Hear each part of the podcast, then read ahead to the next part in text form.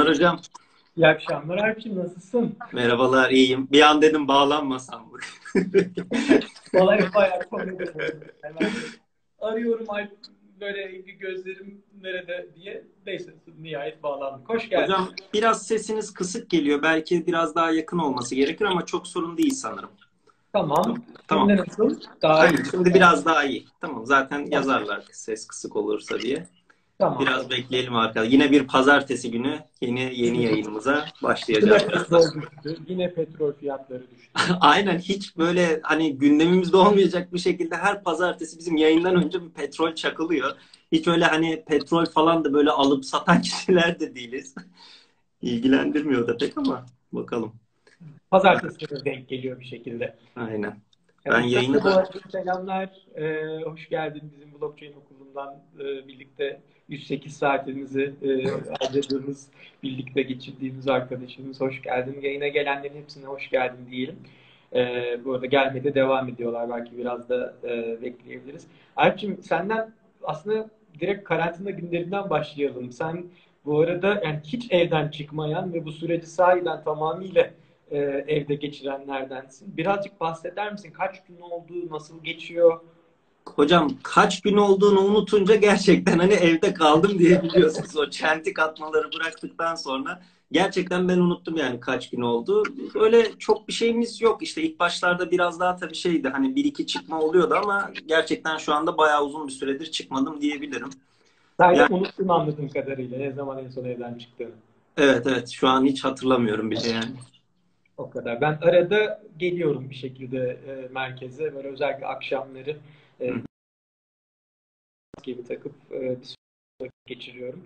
E, ama yani sahiden şey mesela şu dört gün evde kalmak bile bayağı zor bir şey. E, herkese kolaylıklar diliyorum. Hocam isterseniz başlayalım. Şimdi e, bugünkü arkadaşlar da konuları merak edebilir. Biz yine bu haftanın e, gündemi olan konulardan birkaçını toparladık, derleyip topladık. Zaten Instagram'da canlı yayın bir saat maksimum süre olduğu için hani bu bir saat sürede hem kendi konularımızı konuşmaya çalışacağız, tartışmaya hem sizden gelen soruları mümkün olduğunca cevaplamaya çalışacağız. Şeyi de çok soran arkadaşlar oluyor. Size sözü bırakmadan onu da söyleyeyim. Bu canlı yayınların tekrarını hem benim kanalımdan hem de Blockchainist'in YouTube kanalından tekrarını izleyebilirsiniz. Oraya da koyuyoruz. Instagram'da bazı arkadaşlar çünkü canlı yayın saatinde yakalayamıyor, izleyemiyor. Tekrarını da o şekilde izleyebilirsiniz. Yorum olarak da YouTube'da yazarsanız oradan da yorumlara cevap veririz tabii ki de. Ee, bir şey daha yalnız buradan hani canlı izlemenin avantajı buradan e, soru sorduklarında doğrudan Tabii. hemen cevap verebiliriz. Dolayısıyla bize soruları olanlar için hani bu mecra önemli. E, buradan sorular olursa biz de seve seve canlı yayın esnasında yanıtlamaya çalışırız. Aynen. Şimdi hocam en güncel konu zaten şu anda herkesin konuşup durduğu bu Bitcoin'deki halving konusu. Yani aslında Türkçesi blok ödülü yarılanması konusu. Şimdi biz hangi konuyu konuşursak konuşalım şu anda herkes şeyi merak ediyor. Bu Bitcoin'de ne olacak? Önümüzdeki ay teknik olarak ne olacak? Hem fiyatı merak eden var. Hem olayın sürecin ne olacağını bazılarının kafasında tam olarak oturmamış. Bu konuyla başlayalım isterseniz. Ondan sonra diğer konularımıza başlıklarına devam ederiz. E, hay hay. Alp'ciğim istersen hani burada senin yeni de yayınladığın, kendi YouTube kanalında yayınladığın bir video vardı. İstersen senin anlatımınla başlayalım. Hani halving nedir? 2008 yılında bu blok ödülleri neydi? Şimdi ne oldu ve ne olacak e, Mayıs ayında? İstersen sen e, izleyicilerimiz için hiç özellikle belki bilmeyenler için, konunun dışında olanlar için de olabilir. E, halving nedir? Ne demektir? Neyi kastediyoruz? E, buradan başlarsan belki iktisat açısından, ekonomi açısından bu ne anlama gelir? Ben de oralara biraz yorum yapmaya çalışayım. Şimdi e, bu Bitcoin halving dediğimiz konu aslında Bitcoin yarılanması, Bitcoin bölünmesi diye söyleniyor. Fakat bence doğrusu Bitcoin'de blok ödülü yarılanmasıdır. Zaten İngilizceden de çevirince aslında ona denk geliyor. Şimdi bu Bitcoin'deki blok ödülü yarılanması aslında şu. Bitcoin'ler, yeni Bitcoin'ler sirkülasyona bu Bitcoin madencileri tarafından e, sirkülasyona yeni Bitcoin'ler katılıyor. Bunu aslında şöyle söyleyelim. Bu Bitcoin madenciliği de insanlar para kazansın diye ortaya çıkmış bir şey değil yeni Bitcoin'lerin sirkülasyona katılması ve Bitcoin transferlerin onaylanması için kurulmuş Bitcoin'in white paper'ında yazan aslında bir tane sistem. Çok basitçe anlatmak gerekirse Bitcoin ilk çıktığında Ee, bu her 10 dakikada bir olacak şekilde bir blok bulunması ve bu transferlerin onaylanması şeklinde kodlanmış. Bu kod hiçbir şekilde değiştirilemiyor. Kod yasadır dediğimiz kısım aslında bu.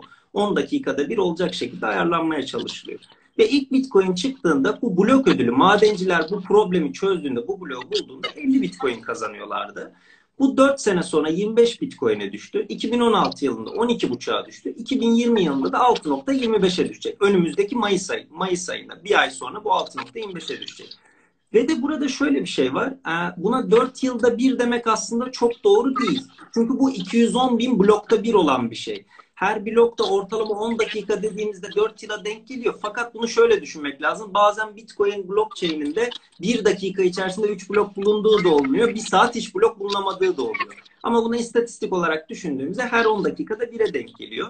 Mesela bir arkadaşımız sormuş. Para kazanamayacaksa boşuna mı elektrik yakacaklar diye. Bunu şimdi birazdan açıklamaya çalışacağım. Şu anda geldiğimiz durumda 12,5 Bitcoin kazılıyor. Her 10 dakikada bir madenciler bu blok ödülünü kazanıyor ve birbirimize yaptığımız Bitcoin transferlerinde ödediğimiz o küçük küçük komisyonların da toplamı yaklaşık bu da işte 0,5 Bitcoin falan ediyor. Onu kazanıyorlar.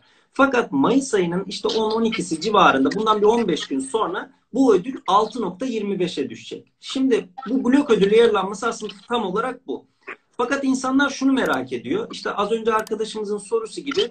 Peki bu yarı yarıya düştükten sonra bu adamlar zarar etmeyecek mi? Evet edecek. Bazı madenciler 12,5 yerine ucu ucuna geçinen madenciler 6.25'e düşünce elbette zarar edip cihazlarını kapatacaklar. Bu çok hani şey önceden tahmin edilebilir bir şey. Gayet herkes bunu tahmin edebilir. Ve bu sayede bu sayede de Bitcoin e, blockchain'i 2016 blok sonra zorluk seviyesini tekrar ayarlayacak. Fakat bu 2016 blok oldukça önemli. Yani o 2016 blok boyunca hash rate o kadar düşecek ki belki de 10 dakika yerine Bitcoin alanında biz böyle 40 dakikalar, 30 dakikalar transfer onaylanması için bekleyebileceğiz belki. Çok daha uzun sürecek. Şimdi bunu çok güzel açıklamak için şu soruyu soruyorlar genelde. Bir Bitcoin üretmenin maliyetine. Ben dün videomda aslında bunu anlattım. Çünkü insanlar bunu anladıktan sonra bütün soruları kendileri cevaplayabiliyorlar. Hep şey olayı vardır işte altının onsunda da mesela şu fiyatın altına düşerse işte bu altını çıkaran bu işletmeler zarar ediyor. O yüzden altının onsu şu fiyatın altına düşmez. E şimdi petrolde de gördük hani emtia olarak düşündüğümüzde bir fiyat negatife bile gidebildiğini gördük orada. Şimdi Bitcoin'de şöyle bir şey var. Bir Bitcoin üretmenin maliyeti çok fazla değişkene bağlı bu cihazları sizin satın alma değişkeniniz. Mesela Türkiye'yi düşünürsek buna gümrük vergisinden tutun, dolar kurundan tutun. Bir de zaman maliyeti var. Bu cihazların çoğu Çin'de üretiliyor. Hele ki şimdi ortamı düşünürsek hani normal bir ortam için konuşuyorum. Şimdi çok daha zor. Bunları satın alma maliyeti var. Sizin bunları saklama maliyetiniz var. Yani buraya bir depo tutmanız lazım, bir yeri kiralamanız lazım. Sizinse yer orayı kiraya veremeyeceksiniz. Cihazlarınızı koyacaksınız. Yani size bir depolama maliyeti var. Üçüncü maliyet bunların tabii ki elektrik maliyeti var. Her yerde kilowatt e, saat başına kilowatt fiyatı çok daha farklı. Bazı ülkelerde daha ucuz, bazılarında daha pahalı. Bir sonraki maliyet soğutma maliyeti. Adamlar gidiyor soğuk ülkelerde uçak hangarlarının içinde, boş hangarlarda yapıyor, dağın altında yapıyor. Biz burada işte Adana'nın sıcağında adam orada mining yapmaya çalışıyor.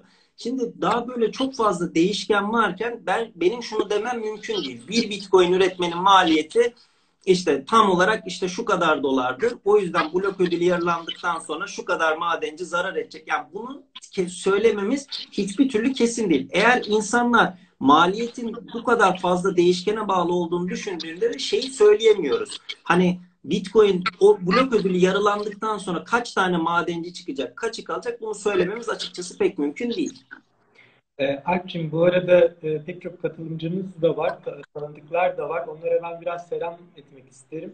Sima Baktaş e, katıldı, onu merhaba. Hoş geldin. Mesut Paçavra, Kripto.com'dan o katıldı, merhaba demek isterim.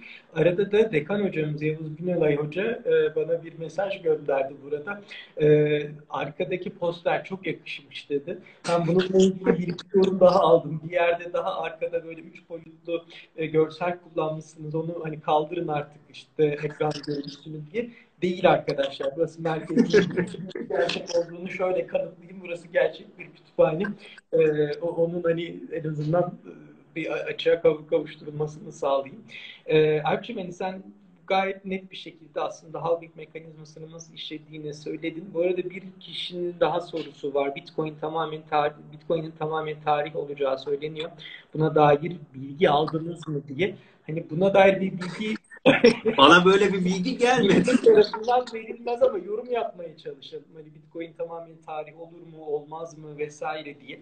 Bir de konu ister istemez senin de az önce cevapladığın gibi. Yani burada ödülü bu işin azalıyorsa o zaman hani ne olacak bunun değeri, bu işin değeri? Bu işler bitecek mi, sönümlenecek mi? Petrol gibi işte negatif değerleri görecek mi ya da sıfırlanacak mı gibi sorular belki e, kafalarda vardır. Bu önemli. E, şimdi şunun altını çizelim. E, birincisi bu sistemin ne kadar çok benimsendiğinin önemli bir testi olacak diye düşünüyorum önümüzdeki günler. Çünkü burada evet ödül yarılanacak ama e, bununla beraber sahiden e, bu konuya artık sahip çıkacak, bu işlerin yürüdüğünü, tuttuğunu, yürüyeceğini, hatta belki yeni dünya ekonomilerinin en önemli lokomotif teknolojilerinden birisi olduğunu düşünenlerin sayısı çok artmış vaziyette. Ve 2008'de e, blockchain teknolojisi ya da Bitcoin'in aslında ilgili kişileri belki daha çok bilgisayar programcıları, çok daha teknik kişilerken artık işte e, sahiden hani ülkelerin merkez bankalarından tutun büyük dev Facebook, Google, Huawei, işte Alibaba gibi büyük dev şirketlerin bu teknolojilerle ilgilendiğini görüyoruz. Bu önemli. Dolayısıyla e, burada kendi kişisel fikri muhtemelen sen de katılırsın. Ben e, Bitcoin'in ve altındaki teknolojinin artık insanlığa mal olduğunu ve internet gibi e, emin adımlarla, bazen yavaş, bazen daha ağır adımlarla, bazen daha hızlı adımlarla eninde sonunda ilerleyeceğini düşünenlerdenim. Çünkü e, bir çözüm öneriyor. Bir probleme, gerçek hayatta yaşadığımız bir probleme sahiden bir çözüm sunuyor Bitcoin ve blockchain teknolojisi. Bu, bu sebeple zaten bu işin artık insanlığa mal olduğunu düşünenlerden. Ee, bir şeyin daha altını çizelim. Ee, burada hani halving olduktan sonra fiyatlar mutlaka artacak mı, azalacak mı diye kısa vadeli bir spekülasyon yapmanın mümkün olmadığını düşünenlerden. Kısa vadede fiyatlar dalgalı olacaktır. Biraz daha teknik e, eğer e, girersek konuya bu işin aslında bizzat Satoshi tarafından Bitcoin'de bir enflasyon olmasın. Kafasına göre kimse Bitcoin basamasın. Bu işte bir algoritmaya bağlı olsun ve ta 2008'den itibaren bunun kuralları her bilinsin. Bitcoin arzının, Bitcoin basımının 4 senede bir ne şekilde e, modelleneceği, değişeceği, bizzat Bitcoin bloklarının bulunması da dahil olmak üzere e, bütün her şey bir algoritmaya, senin dediğin gibi bir hukuk anlamında bir koda bağlanmış vaziyette. Bunun başlı başına çok önemli bir güven tesisi oluşturduğunu düşünüyorum, güven yarattığını düşünüyorum bazen ne yapacağı belli olmayan e, kurumlar yerine burada baştan anlaşılmış, üzerinde mutabık kalınmış bir algoritma var. Bunun tekrar altını çizelim. Peki hocam size buradan hemen şu soruyu sormak istiyorum ben. Ee, bu Bitcoin'in arzının kısıtlı olması bunu değerli olmak zorunda bırakıyor mu? Yani bir şeyin değerli olması için şimdi Bitcoin'i biz bir emtia olarak kabul edersek öyle düşünelim. Yani bu arzı kısıtlı diye toplamda 21 milyon olacak diye bu değerli olmak zorunda mı? Ya da tam tersini düşündüğümüzde mesela Bitcoin fiyatı da petrol de bir emtia olarak düşünürsek negatife gidebilir mi mesela? Böyle bir şey olabilir mi sizce? Ee, ilkinden başlayalım. Bir şeyin arzının kısıtlı olması e, değeri üzerine tek başına bir şey söylemez. Çünkü bir emtianın herhangi bir nesnenin aslında değeri arz ve talebin etkileşimiyle ortaya çıkar. Mesela bu burada birazdan o konuya geçeriz. Hem hani enflasyondan bahsetmişken mesela dolar da deliler gibi dolar basılıyor şu anda değil mi? İnanılmaz bir dolar piyasaya sürülüyor. İnanılmaz dolar e, piyasaya sunulmuş vaziyette. E, doların normalde bitmesi şey değerinin inanılmaz düşmesi lazım ama düşmüyor. Neden düşmüyor? Çünkü aynı zamanda dolara olan talep de artmış vaziyette. Ha mesela eğer Merkez Bankası, Amerikan Merkez Bankası hiç dolar basmamış olsaydı şu dönemde bu artan talep karşısında dolar inanılmaz değerlenecekti ve bunun da yaratacağı rekabet kaybı olacaktı uluslararası piyasalarda. Fed bunu öngörerekten talebe göre arzı ayarladı aslında. Bu yüzden doların değeri biraz daha nispeten stabil ya da düşmüyor. Aynı şekilde tersten gidelim. Bir ürünün arzı kısılmışsa bu eğer ki ancak talep sabitse fiyatının değerinin artmasını sağlar. Ama eğer ki Bitcoin'e olan e, talep de düşerse, aynı zamanda Bitcoin arzı düşerse o zaman fiyat gene aynı kalacaktır. Ya da bir şeyin arzı düştüğünde e, bu illa onun daha değerli anlam olacağı anlamına gelmiyor. Talep de düşerse arzla beraber değer sabit kalır. Bir de bir arkadaşımız hocam mesela şey demiş petrol fiyatı negatif değil future piyasalarda. Evet bu arkadaşlar spotta değil de future'da e, bu petrolün de ben de onu yeni öğrenmiştim geçen hafta. Yani petrol kuyularını kapatamıyorlarmış. Çünkü belli bir orada sıvı akışı olmadığı sürece kendi içine doğru çöktüğü için zarar bile etse çıkarmaya devam ediyormuş. O kuyuyu kapatmak daha büyük zarar ettiriyormuş. O yüzden future piyasalarda depolanacak yer kalmadığı için aslında future piyasalarda orada bir negatif gördük. Şimdi peki Bitcoin'i spotta değil de future piyasalarda negatif görür müyüz? Bence göremeyiz. Bitcoin'i sınırsız depolayıp yani Ledger'da yer kalmadı işte Bitcoin'i almıyorum üstüne para veriyorum gibi bir şey olmaz. Ben mesela hiç öyle bir şey olacağını düşünmüyorum açıkçası. Yani şunun altını çizelim. Mesela benzer bir şey negatif fiyatlar daha önce doğalgaz yaşanmıştı aslında. Şu anda bu içinde bulunduğumuz dönemde süt fiyatları içinde benzer şeyler söz konusu. Çünkü bir şekilde nakliyat sektörü, taşımacılık sektörü çok yavaşladığı için ve talepler bütün dünyada, bütün piyasalarda çok düştüğü için bir şekilde üreticiler ellerindeki malı senin dediğin gibi bu petrol için olduğu gibi süt için de aynı. Bunları depolayacak yer bulunamıyor. Depolama maliyetleri artıyor ve süt mesela çabuk bozulan bir ürün üstelik değil mi? Dolayısıyla bütün ürünlerin fiyatı inanılmaz derecede düşüyor, eksiliyor.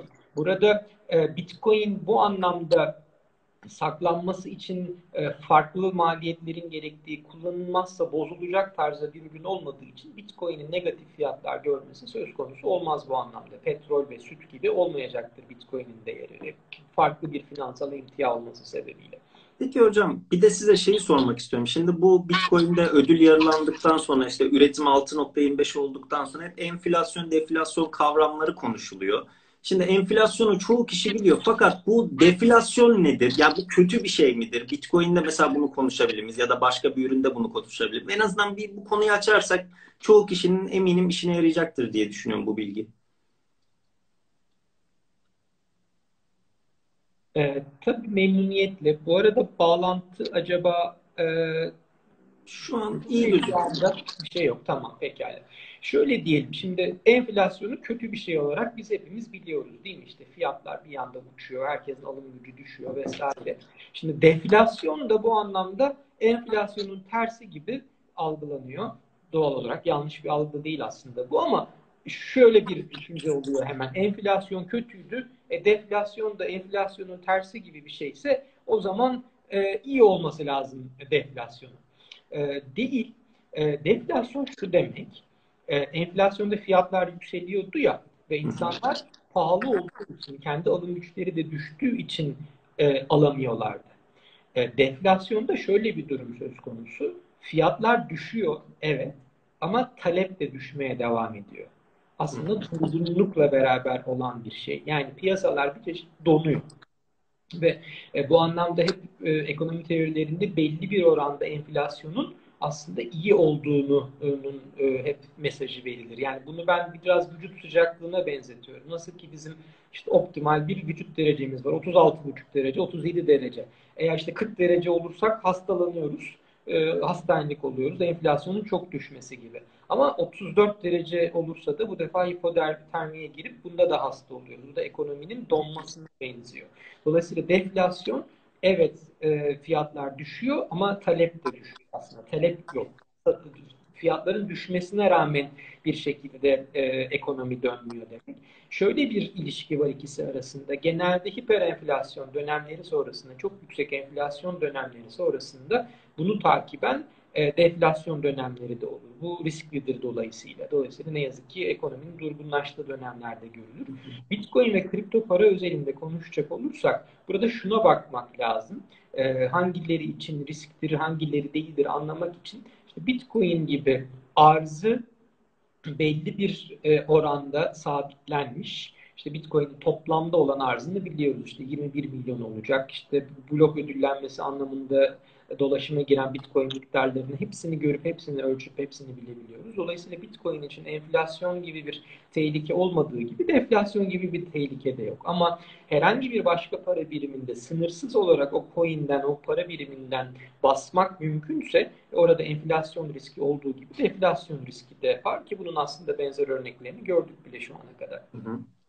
O zaman hocam bu Bitcoin konusunu kapatalım. Kripto paralarda Bitcoin'de halving konusunu kapatalım. İsterseniz bu yine ikinci bir konumuza geçelim. Seste bir sıkıntı mı var? Sorun yok.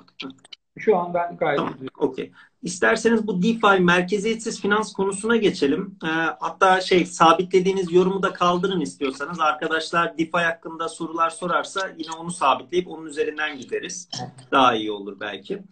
Şimdi hocam e, bugün aslında güzel bir haber gördük. Bunu da burada yer vermek istedik.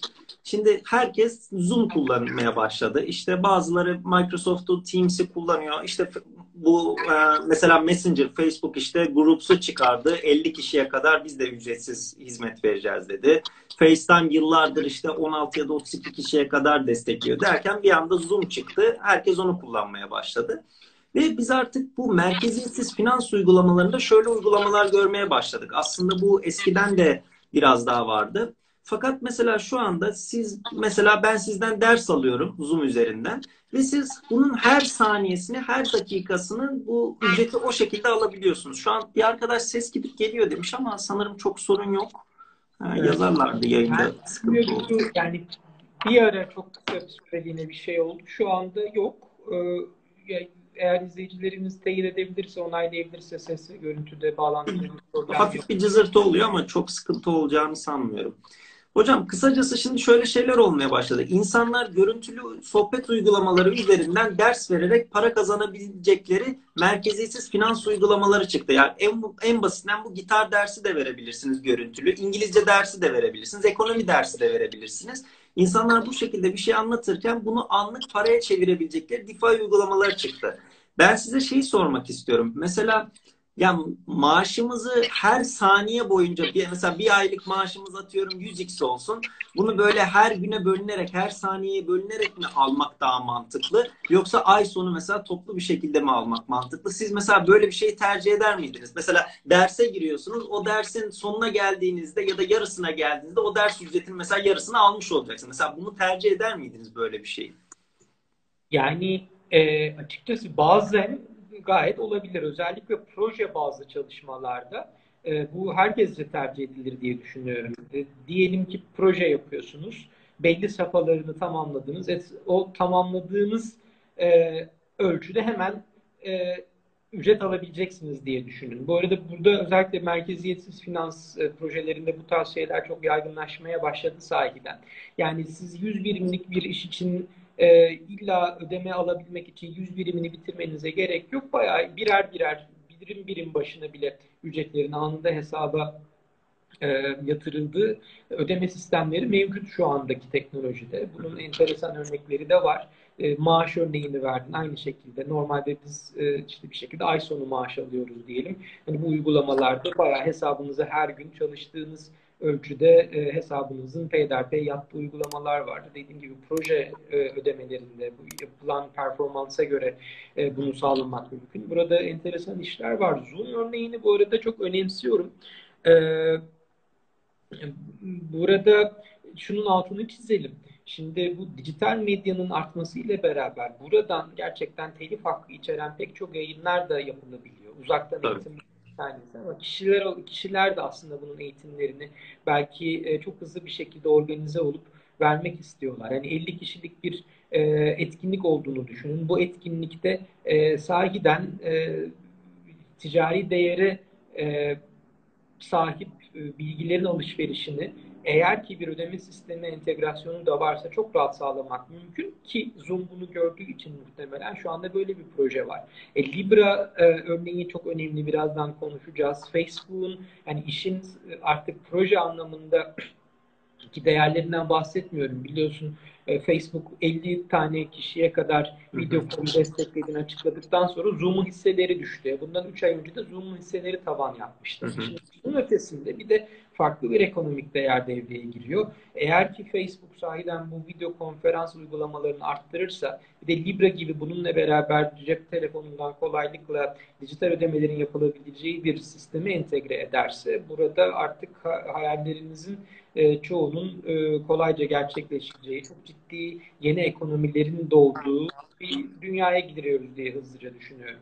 Hocam aslında güzel bir noktaya parmak bastınız. Mesela o telif hakları oldukça önemli. Mesela YouTube'da canlı yayın yaparken en basitinden arkamda bir televizyon olsun. Televizyonun yarısı gözüksün. Hangi haber kanalı açıksa mesela direkt oradan telif yiyorsunuz. Ya da mesela en ufak bir müzik girdiğinde bile yapay zeka yakalıyor. Bu Twitter'da Periskop ilk çıktığı zamanlarda en büyük sorun şeydi işte insanlar bireysel olarak maç yayınlarını orada yapmaya çalıştılar.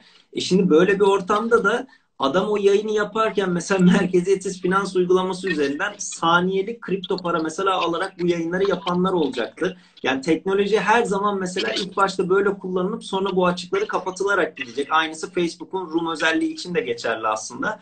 Bence çok ilginç uygulamalar göreceğiz. Ama şey çok güzel. Yani evden mesela bir İngilizce öğretmeninin gerçekten canlı yayın açarak bu şekilde öğretip ve parasını hiçbir türlü hani alır mıyım alamaz mıyım gibi bir kafasında soru işareti olmadan belki dakikalık bazda alması bunu merkezi yapan uygulamalar vardı. Daha önceden de siz kaydoluyordunuz. Adam oraya parayı yatırıyordu. Yani bunu zaten bu yeni bir şey değil. Fakat anlık kişiden kişiye bu böyle kripto para şeklinde aktarılması gerçekten oldukça aslında devrimsel diyebiliriz. Kesinlikle öyle. Alpçin belki burada biraz hani video kolların da artık son teknolojide nereye evrilebileceğine dair hazır dijital ödemelerden bahsettik. Biraz da sanal gerçeklik uygulamalarından mı bahsettik? Takayım mı gözlüğü? Biz bu hafta mesela çok enteresan bir deneyim yaşadık. Ben orada pası sana atayım. Sen biraz bahset neler oluyor bu dünyada, neler oldu geçtiğimiz haftalarda ve bu iş nerelere gidebilir diye. Şimdi hocam şeyi görmeye başladık zaten. Sizin de bu katıldığınız Lockdown konferansında artık insanlar zaten yan yana gelemediği için e, bir yandan da tam böyle etkinliklerin sezonu açılacaktı. Diyorduk yurt dışında blockchain etkinliklerine gideriz falan diye heveslenirken bir anda eve kapandık.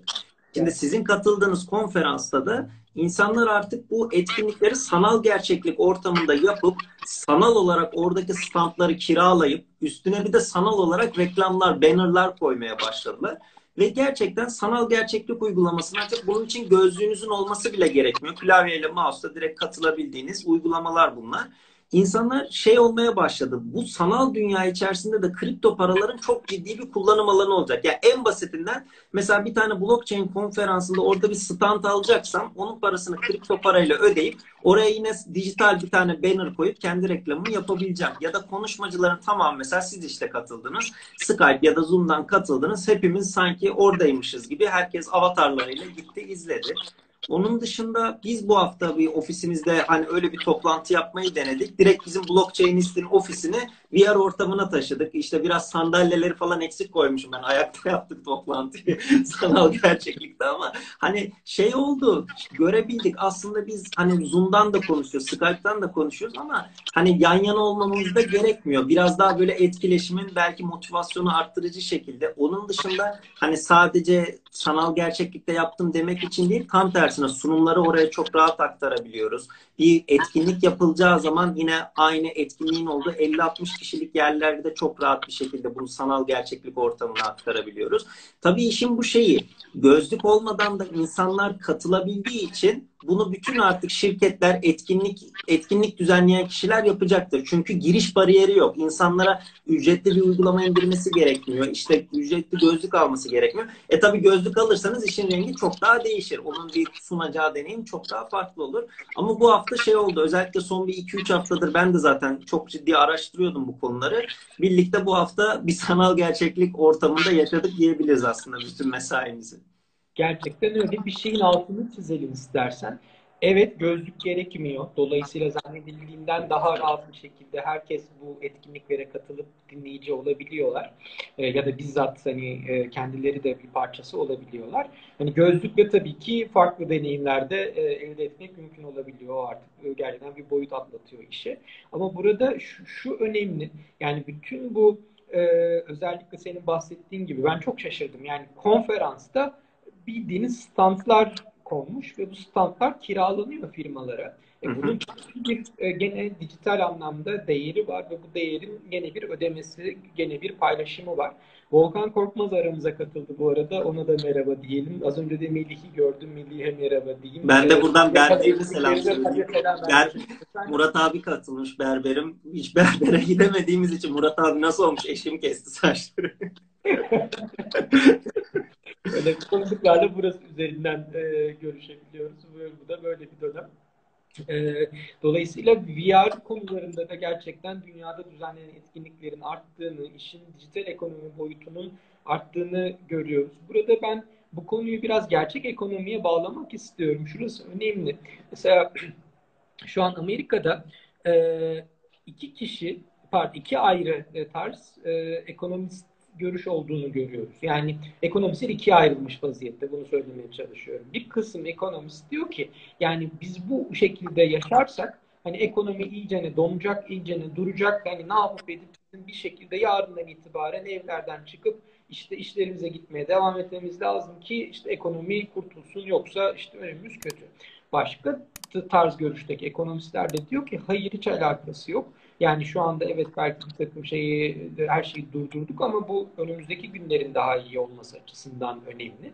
Ben burada hani şunun altını çizmek isterim. Yani eve kapanıyor olmamız bizim aslında ekonomik e, hacmimizin, ekonomik faaliyetlerimizin durduğu ya da duracağı anlamına gelmiyor, gelmemeli. Bu aslında eski dünyanın e, algısı birazcık değil mi? Halbuki, yeni dünyanın eski nesil bütün üretim süreçleriyle çok kolay bütünleşebileceği günlere geliyoruz. Burada tabii önemli bir e, dönem.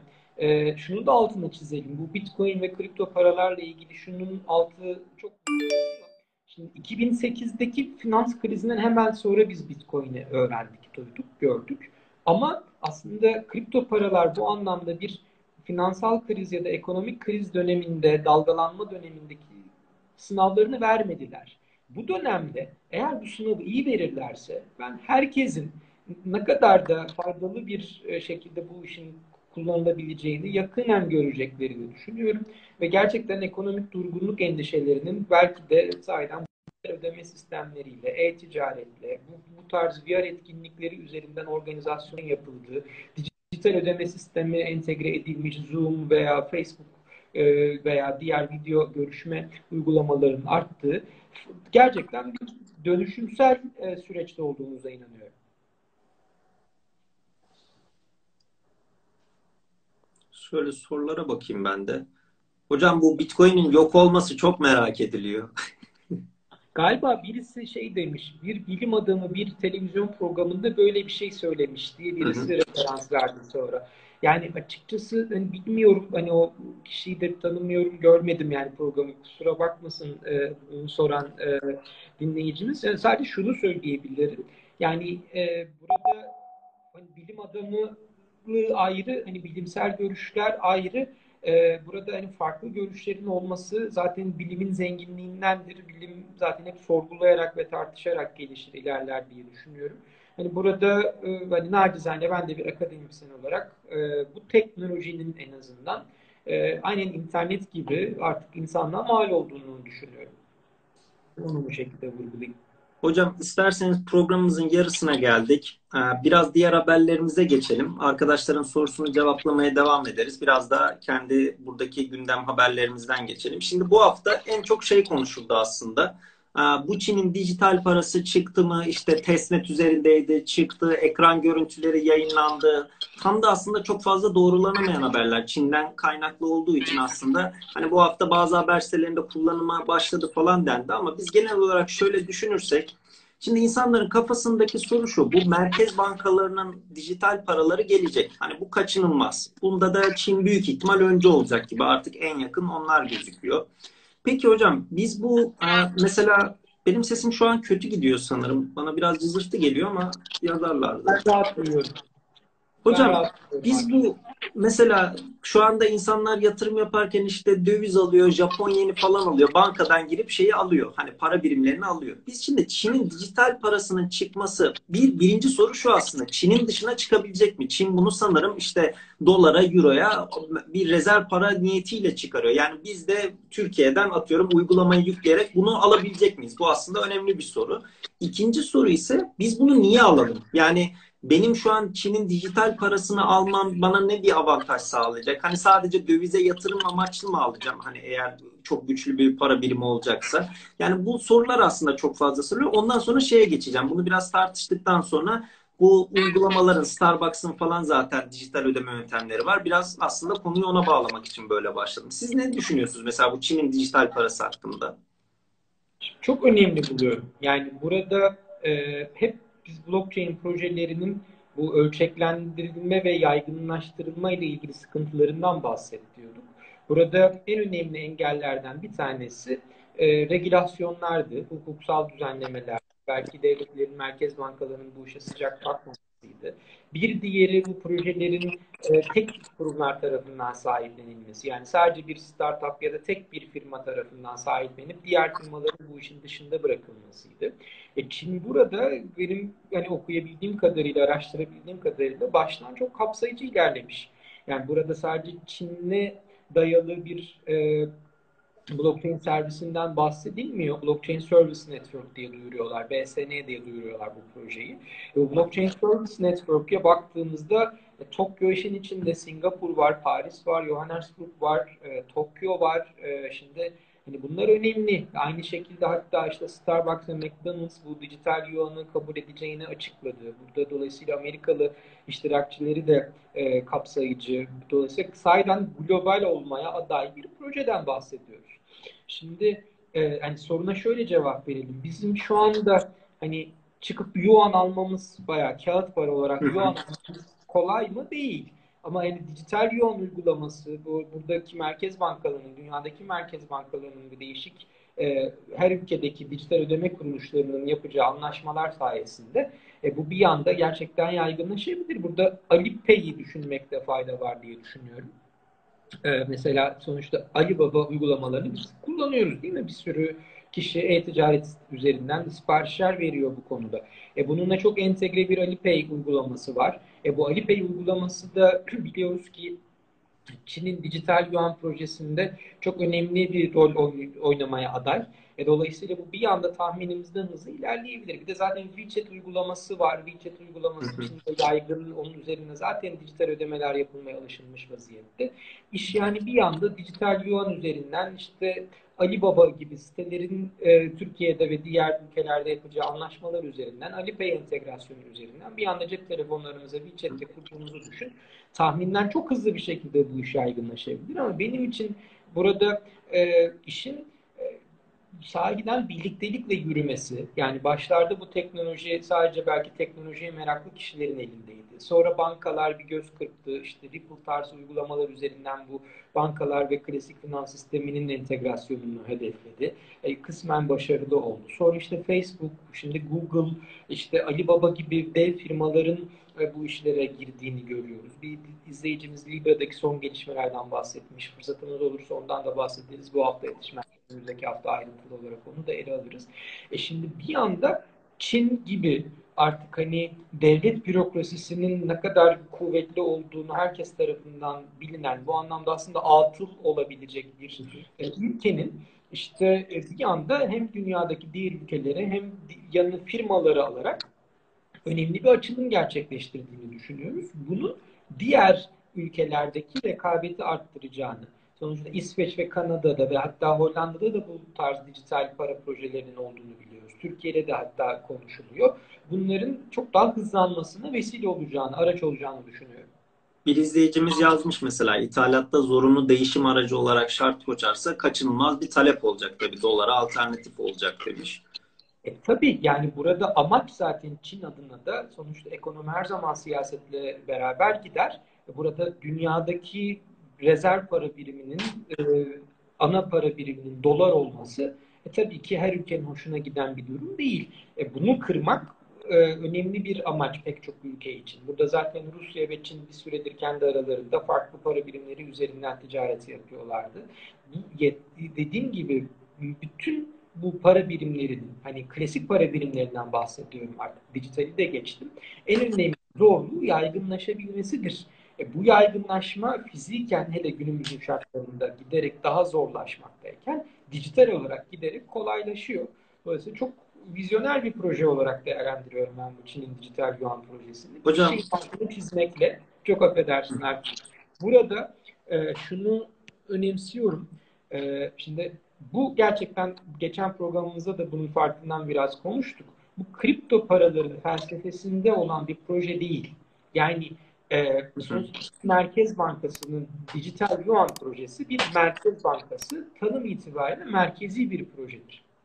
Ne demek merkezi bir proje? Burada gerçekten dijital yuanın bütün kontrolü yani Çin'in dijital parası pardon Çin'in Merkez Bankası'nın elinde olacak. Yani dileyen herkes dijital yuan basamayacak ya da elde edemeyecek. Burada bu ayrımın e, altının çizilmesinin önemli olduğunu düşünüyorum.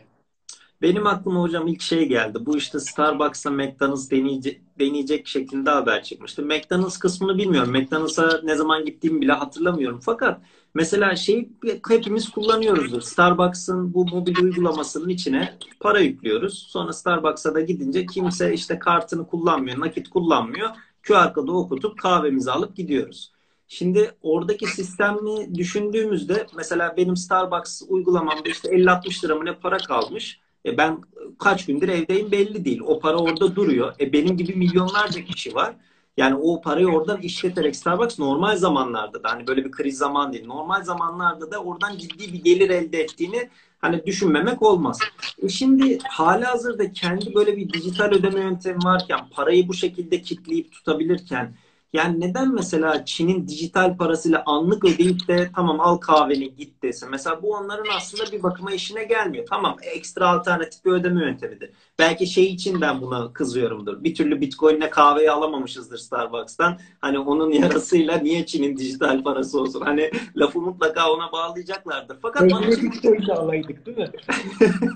yani şeyi düşünüyorum. Starbucks'ın yerine koyduğumda kendi ödeme yöntemini ön plana çıkarmak onlar için çok daha şey karlı yani direkt maddi anlamda karlı sonuçta diye düşünüyorum. Yani şöyle örneklendirelim. Şimdi kendi para birimini basmak gibi düşünelim Starbucks'ın kartındaki paranın aslında Starbucks'ın kendi kontrolündeki bir e, proje olduğunu düşünelim. Şimdi kendi kontrolündeki projenin belli de bir hacmi, belli de bir çapı var pekala. E, diyelim buradan gelen gelir 10 birim. Şimdi e, kart başına 10 birim. Ama şimdi öteki tarafta Çin'in desteğiyle, bu dijital yuan uygulamasıyla bu iş o kadar büyür ki, o kadar yayılabilir ki belki kart başına, kişi başına yani 3 birim gelecek ama o kişi sayısı bir anda dijital yuan uygulaması üzerinden çok artabilir. Dolayısıyla tabiri caizse sürümden kazanabilir Starbucks çok daha rahat bir şekilde. Bir tabii önemli politik e, fark ve etki de var.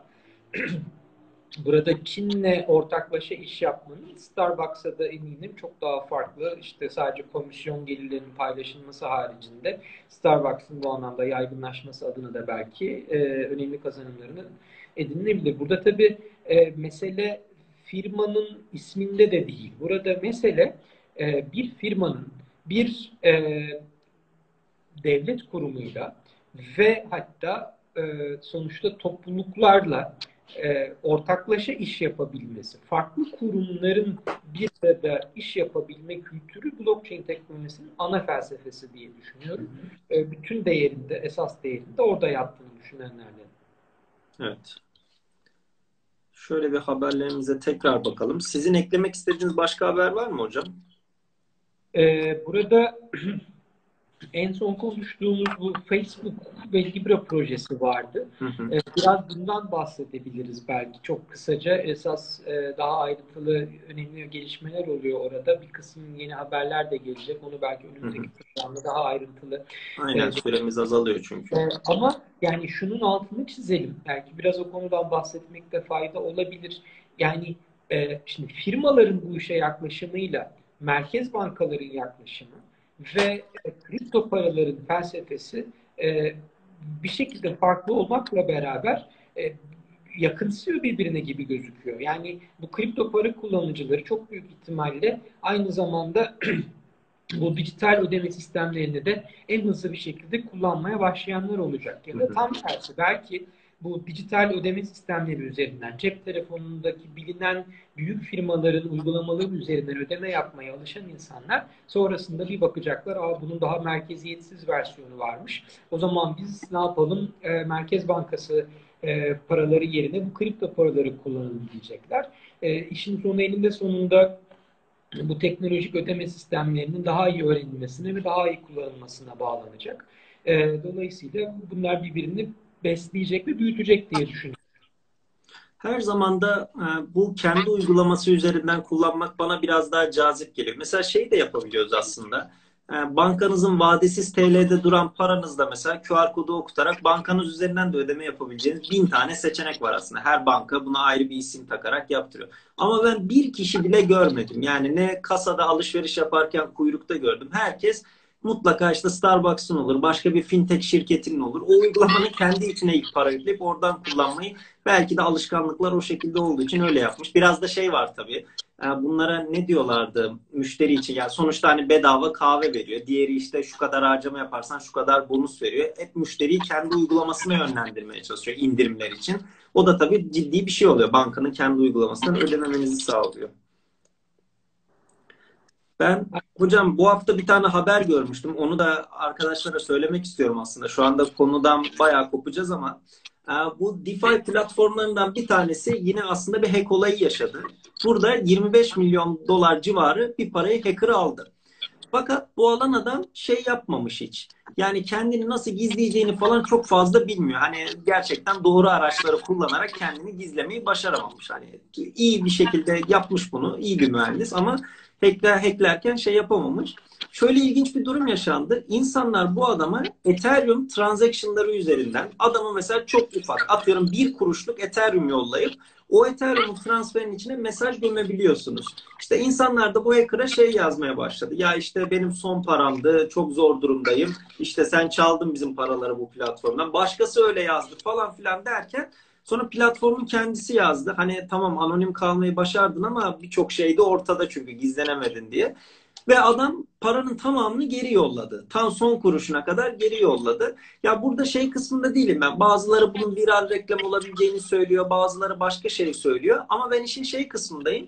Yani hiç tanımadığınız bir insana internet üzerinden bu şekilde para gönderebildiğiniz gibi Aynı zamanda mesajı da merkeziyetsiz bir şekilde böyle içine tekstin içine gömerek transaction'ları, transferlerin içine aslında bir yazı verisi gömerek bu şekilde de mesajlaşıldı ve şey değil. Hani iş lafta kalmadı. Bayağı adamla iletişim kurulması için kullandı. Bu haftanın da aslında ilginç gelişmelerinden birisiydi bu. Ee, bu arada bu DeFi'yi de biraz açmakta fayda olabilir. Belki bilmeyen e, izleyicilerimiz olabilir. DeFi e, merkeziyetsiz finans dediğimiz decentralized finance'ın e, aslında kısaltılmışı. Burada e, yani bu özellikle işler Ethereum üzerinden yürüyor. Bitcoin üzerinden değil, daha çok Ethereum üzerinden yürüyor. E, akıllı kontratlar üzerinden yürüyor ve e, kısaca özetlemek gerekirse aslında bayağı insanların birbirine bu akıllı kontratlar kullanarak kredi verebildikleri, kredi kullanabildikleri, borç verebildikleri, farklı nesil e, finansal ürünler geliştirebildikleri bir e, e, şeyden bahsediyoruz. Bir e, projeler bütününden bahsediyoruz. E, burada dolayısıyla çok enteresan uygulamalar var. E, izleyicilerimize hepsini e, tavsiye ederim aslında bakmalarını. E, burada DeFi diye sadece Google'da aratsalar bile karşılarına pek çok siteler çıkacak. E, Alp'in anlattığı gerçekten enteresan bir olay. Ben de heyecanla takip ettim. E, DeFi'de daha tabii hani blockchain çıkalı işte 12 sene oldu. DeFi çıkalı neredeyse bir sene, iki sene oldu. Bir buçuk sene falan oldu. Hep beraber yeni bir e, projeyi birlikte izliyoruz bu işlerin oturuşunu. Dolayısıyla tabii burada da bir takım hani tatsız haberler çıkıyor ama kendi kendine bu ekosistemin koruyucu bir refleksi olduğunu da görüyoruz. E, bu koruyucu refleksi önemli buluyorum. Sahiden hani bir yanda 25 milyon dolarlık bir hack olayı yaşandıktan sonra e, kendi kendine sistem bir şekilde bunu e, geri getirmeyi başardı ve enteresan yani bu projelerin... Ya biraz hocam bu merkeziyetsiz finans uygulamalarının biraz aslında sadece kredi alıp kredi verme olarak insanlar bunu algıladığı için bu konudan biraz uzak durmaya başladığını gördük. Aslında DeFi'nin biraz popülaritesinin biraz orada azaldığını gördük. Fakat hani az önce şu verdiğimiz örnek mesela Zoom üzerinden ders vererek anlık parayı kazanmanız, anlık transferin olması bile bir merkeziyetsiz finans uygulaması. Yani ders bittikten sonra size ücreti Bitcoin olarak yollaması DeFi falan değil. Yaptığınız hizmet karşılığı, verdiğiniz hizmet karşılığı paranızı almak. Fakat dersi verme esnasında saniye saniye o paranın size aktarılması aslında bir merkeziyetsiz finans uygulamasının güzel örneklerinden biri. Bu sadece kredi alıp kredi vermenin dışında gerçekten çok farklı kullanım alanları var. Sigortacılıkta çok farklı kullanım alanları var. Yani şu anda artık akıllı kontratların da patlamasını sigortalayan başka akıllı kontratlar gibi böyle kompleks yapılar görmeye başladık. İlk başta tabii bu tökezleyecektir. İlk başta çok ciddi hani atılımlar yapamayacaktır. Ama zaten şu an Bitcoin'i bile konuştuğumuz şey ben her zaman söylerim. Hala emekleme aşamasında bir bebek. Yani yazılım indirdiğinizde sıfır nokta bilmem ne diye inen bir yazılımdan bahsediyoruz. Merkeziyetsiz finans kavramı da aynı bu şekilde. Bir buçuk sene falan bile olmadı aslında doğru düzgün konuşmaya başlayalı. Şimdi mesela merkezi borsalar, büyük borsalar da bu DeFi uygulamalarını kendilerine adapte etmeye çalışıyorlar. Kullanıcılarını tekrar çekebilmek için. Böyle ilginç şeyler görmeye devam edeceğiz. Yine büyük borsalarda kendilerini implemente etmeye çalışacaklar. Hani herkes bir şeyler yapmaya çalışıyor. Sadece şey yap olarak yapmasınlar. Ya kredi almakla, vermekle, lendingle falan benim ne işim var gibi düşünmesinler. En azından hani bu arada şöyle bir şey var. Kesinlikle hiçbir yere para falan yatırmanız gerekmiyor. Burada bir üründen bahsetmiyoruz. Burada bir teknolojiden bahsediyoruz. Sakın ha gidip de işte DeFi coin diye bir şey görüp falan merak edip hani Alp anlatmıştı diye yapmasınlar. Bu bir teknolojinin adı aslında. Burada bir teknolojiden bahsediyoruz. Merkeziyetsiz finans teknolojisinden bahsediyoruz. Ben araştırmalarını tavsiye ederim. Google'a zaten merkeziyetsiz finans DeFi nedir yazınca 3 tane video çıkar. O üçü de benim videolar. Merkezimizde çektiğimiz videolardır. Hani en, en baştan onları izleyerek başlayabilirler.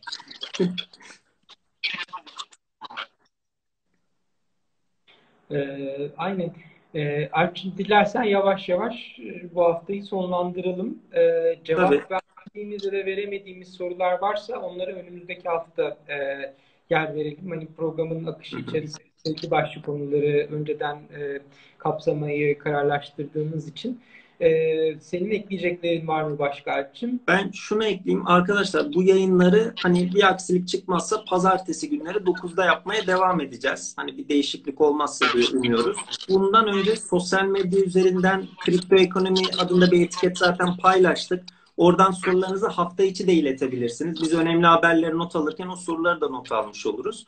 Onun dışında tekrarını yine YouTube kanalımızdan izleyebilirsiniz. Orada videonun altına yorum yazabilirsiniz. Abone olursanız da seviniriz. Ben bana şey geliyor böyle bir YouTuber olduğum için hani merhaba arkadaşlar YouTube kanalıma hoş geldin. Böyle bir giriş yapasım geliyor. Yani gönül onu istiyor Instagram farklı bir mecra. Burada işte öyle diyemiyoruz. Hani beğenirseniz de oradan mümkün olduğunca çok bir şeye ulaşmaya çalışırız. Umarım hani yararlı oluyordur bu yayınlar. Aynen. Yani burada e, YouTube kanalını bu programı eklerken merkezin YouTube kanalına elden geldiğince bu konuşmalarımızı yansıtan grafikler de eklemeye hı hı. çalışacağız. Orada e, başta Alp olmak üzere e, burada özellikle bu videoları işleme konusunda emeğe geçen herkese de ben e, tekrar çok teşekkür ederim ekipten. E, pekala o zaman. Tamam ben, hocam. E, Görüşürüz. İyi akşamlar herkese. Herkese iyi akşamlar dileriz. Görüşmek üzere. Hoşçakalın.